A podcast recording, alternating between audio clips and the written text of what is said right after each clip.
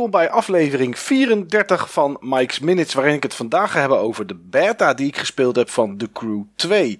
Um, ja, als je de Crew 1 hebt gespeeld, dan uh, weet je eigenlijk alles wat de Crew 2 is, behalve dan dat er nog wat extra's zijn bijgekomen. Althans, dat is in ieder geval wat het op dit moment lijkt. De Crew 2 speelt zich namelijk precies in hetzelfde gebied af als de Crew 1 en dat is het volledige Amerika.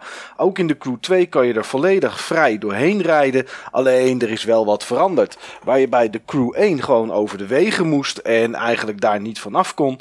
Um, ja, hebben ze bij de Crew 2 een, uh, een aantal nieuwe voertuigen toegevoegd. En dat is het grootste verschil. Tenminste, zoals net ook al gezegd, tot nu toe.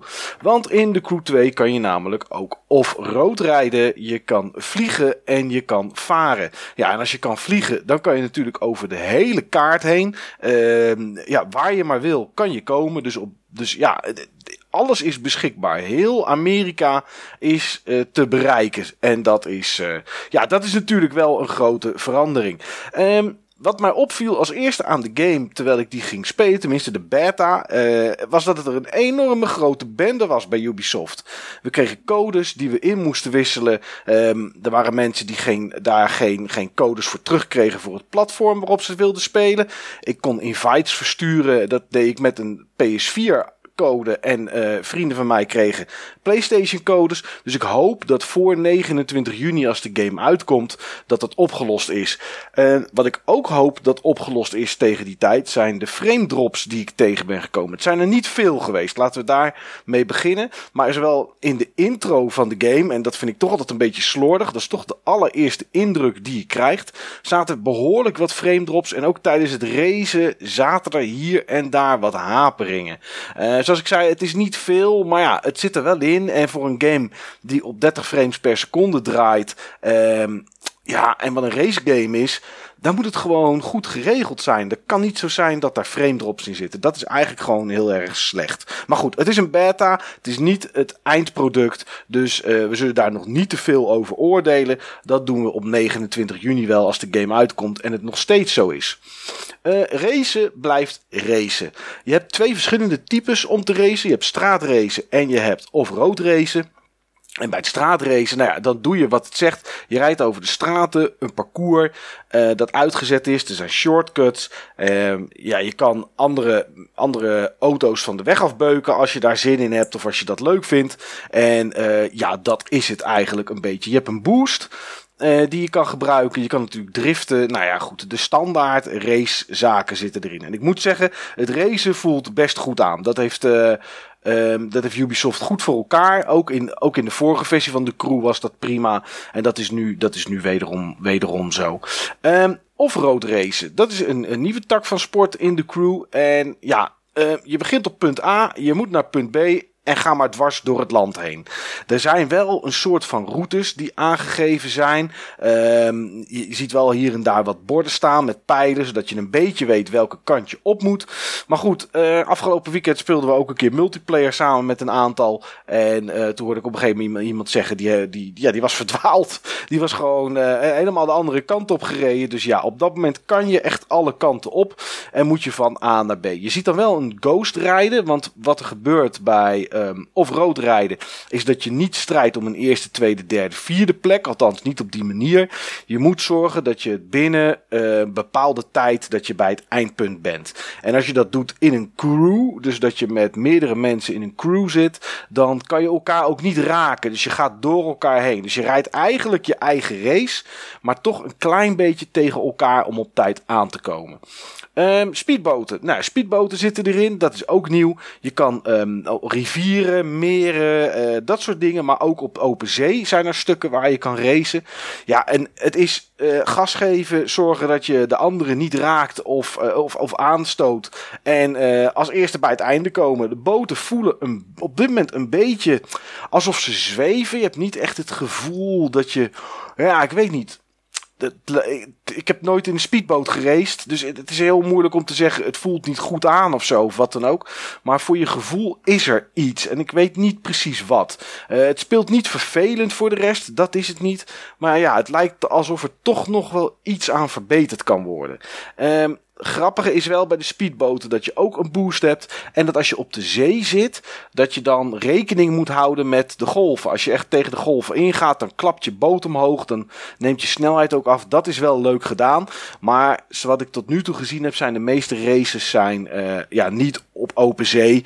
Dus of je daar heel veel mee te maken krijgt als de game straks uit is, dat durf ik niet te zeggen. Het laatste zijn de vliegtuigen. Nou ja, vliegtuigen, uh, ja. Uh, wat erin zat was één race, maar dat was alleen aan het begin van de game, toen je de game opstartte. En daarna ging het vooral om heel veel trucjes. Um, wat de game doet is op het moment dat je hem opstart, dan moet je naar vier headquarters, de vier hoofdkantoren van ja, die raceorganisaties. Daar moet je een race doen en daarna krijg je een gratis auto, vliegtuigboot of uh, off-road auto. Je kan nieuwe kopen, je kan uh, betere kopen, je kan er uh, onderdelen in zetten, daar kom ik zo op terug. En op het moment dat je dat gehaald hebt, dan unlocken zich de missies die je kan doen op het veld, op, op het speelveld, dus op de kaart van Amerika. Alleen voor deze, voor deze beta waren het er slechts twee, omdat je geen progressie kan maken. Dus um, of er ook echte races tussen zitten en dat soort dingen. Misschien heb ik hem gemist in deze, in deze beta, dat zou kunnen. Maar goed, uh, tot nu toe was het eigenlijk vooral met z'n drieën trucjes doen om te zorgen dat je meer dan 6000 punten haalt in 2,5, 3 minuten of zo. Niet echt spectaculair en ik moet ook zeggen, ik vind de vliegtuigen het minst besturen van allemaal. De off-road auto's, dat gaat op zich wel goed. De normale auto's gaat ook goed. Boten, zoals ik net zei, mm, ja, gaat oké. Maar de vliegtuigen op een of andere manier, nee, daar ben ik niet zo van onder de indruk. Nu heb ik nog hetzelfde als met een speedboat race, heb ik ook nog nooit zelf in een vliegtuig gevlogen. Dus misschien is het super echt. Maar ja, het is en blijft een game. Uh, ja, ik weet niet. Ik ben er nog niet helemaal, uh, nog niet helemaal van ondersteboven. Op het moment dat je een race gedaan hebt en je hebt hem gewonnen, krijg je loot. En die loot die ligt gewoon op straat. Daar moet je dan overheen rijden met je auto. En dat zijn onderdelen die je kan vervangen in je auto. En wat we nu gezien hebben in deze beta, is hetzelfde systeem een beetje wat er bij for Speed was. Uh, bij Need for Speed Payback. En dat is dat je namelijk onderdelen krijgt voor de auto waarmee je rijdt. En die kan je erin zetten. Maar als je een andere auto koopt, zijn die onderdelen die je verzameld hebt niet beschikbaar. En dan moet je dus met die auto's, zo lijkt het in ieder geval op dit moment, wederom races gaan rijden om loot te verzamelen. Uh, geen idee of dat straks anders wordt of dat dat wel deelbaar is of wat dan ook. Maar ik hoop het eigenlijk van wel. Omdat dat namelijk, ja, het brengt een soort van grind met zich mee. En koop je, heb je eindelijk geld voor een nieuwere auto die dan minder goed is dan de auto die je hebt. Want zo gaat het op een gegeven moment. Dat is wat er gebeurt. En dan moet je met die auto weer races gaan rijden om items te verzamelen. Uh, er is wel een, uh, een munteenheid waarmee je denk ik ook kan kopen met echt geld. Maar goed, dat was allemaal uitgeschakeld, dus daar kan ik nog niet zoveel over zeggen. Uh, je kan naar je huis gaan, je hebt een home, daar kan je je voertuigen zien, daar kan je ze aanpassen. Dat aanpassen van die onderdelen kan ook gewoon terwijl je in de wereld bent. En daar kan je ook de auto's veranderen, een beetje qua kleur en een ander soort motorkap en dat soort zaken allemaal. Dus er is in ieder geval wel hier en daar wat aan te passen. Er is een story mode. Die story mode die uh, bestaat volgens mij uit 7, 8 of 9, zoiets. 7, 8, 9 missies per, uh, per, per vervoersmiddel. Dus voor de auto zijn er 8 acht of negen. En hetzelfde voor de boot, voor de, voor de offroad. Uh, wat dat precies inhoudt, durf ik nog niet te zeggen. Want die waren op dit moment ook gelokt. Dus uh, ja, wat dat gaat worden, geen idee nog. Maar het is te hopen dat het een beetje leuke story missies zijn. Uh, om, het, om de game een beetje meer body te geven. En als laatste, want ja goed, heel veel meer was er nog niet te beleven in deze beta. Um, en ik weet niet of dat in de vorige versie van de crew ook zo was, want die heb ik eigenlijk niet heel veel gespeeld. Is dat bij het straatracen je nu ook over gebouwen kan. Uh, er zijn ramps waar je omhoog kan. Dan vlieg je gebouwen op. Dan kan je weer naar een ander gebouw. Ik, zoals ik zeg, ik weet niet of het in de vorige zat. Zoals het in de vorige erin zat, dan is het niets nieuws. Maar voor mij was het wel nieuw. Want ik heb wel ooit een keer een dagje de crew gespeeld ergens bij Ubisoft. Op een persevenement. Daar kan ik me niet van herinneren dat ik over de daken van gebouwen vloog. Maar dat kon hier in deze game wel. En dat, uh, nou ja, goed, dat gaf wel iets extra aan het gevoel van snelheid. En een beetje de chaos van het straatracen. Um, over de hele map verspreid zijn kleine challenges die je kan doen. Je hebt bijvoorbeeld een. Uh, er was in, in Las Vegas was er een punt. Daar moest je zo hard mogelijk door een bepaalde plek heen rijden. Of op, op een bepaald punt moest je bepaalde snelheid halen. Nou, dat deelt hij dan weer met je vrienden. Dan kan je kijken wie daar het hoogste staat. Nou, ja, dat zijn dingen uh, die kennen we ook uit andere race games. Dat is voor de rest natuurlijk niet nieuw. In de Need for Speed zit dat ook een tijdje al. Uh, volgens mij zat het in de vorige crew ook. Dat je van die stunts had met verspringen. Hoeveel meter je gehaald hebt dat soort zaken. Dus dat is ook weer aanwezig in deze versie. Grafisch ziet het er wel aardig uit. Uh, was niet omvergeblazen. Sommige dingen zagen er mooier uit dan andere. Um, gras en dat soort dingen. En, en um, bijvoorbeeld een heg en een boom wat minder. De auto's zien er weer behoorlijk shiny en gelikt uit. Ja goed, dat is natuurlijk ook waar het om gaat. In theorie ga je met een, met een noodgang langs al die gebouwen, die, die, die, die planten, die bomen, die bossen, heggen en, en dat soort zaken allemaal. Dus uh, ja, dat zou iets minder, iets minder van belang moeten zijn. Er zit een soort fotomode in, die we kennen van, de, van Sony games vaak, van PlayStation games. Maar dat zit hier ook in. Daar waren ook challenges mee, dat je een bepaalde foto moest maken. Um, nou, dat heb ik voor de rest niet gedaan, want ja goed, daar zit ik niet heel erg op te wachten bij een game zoals dit.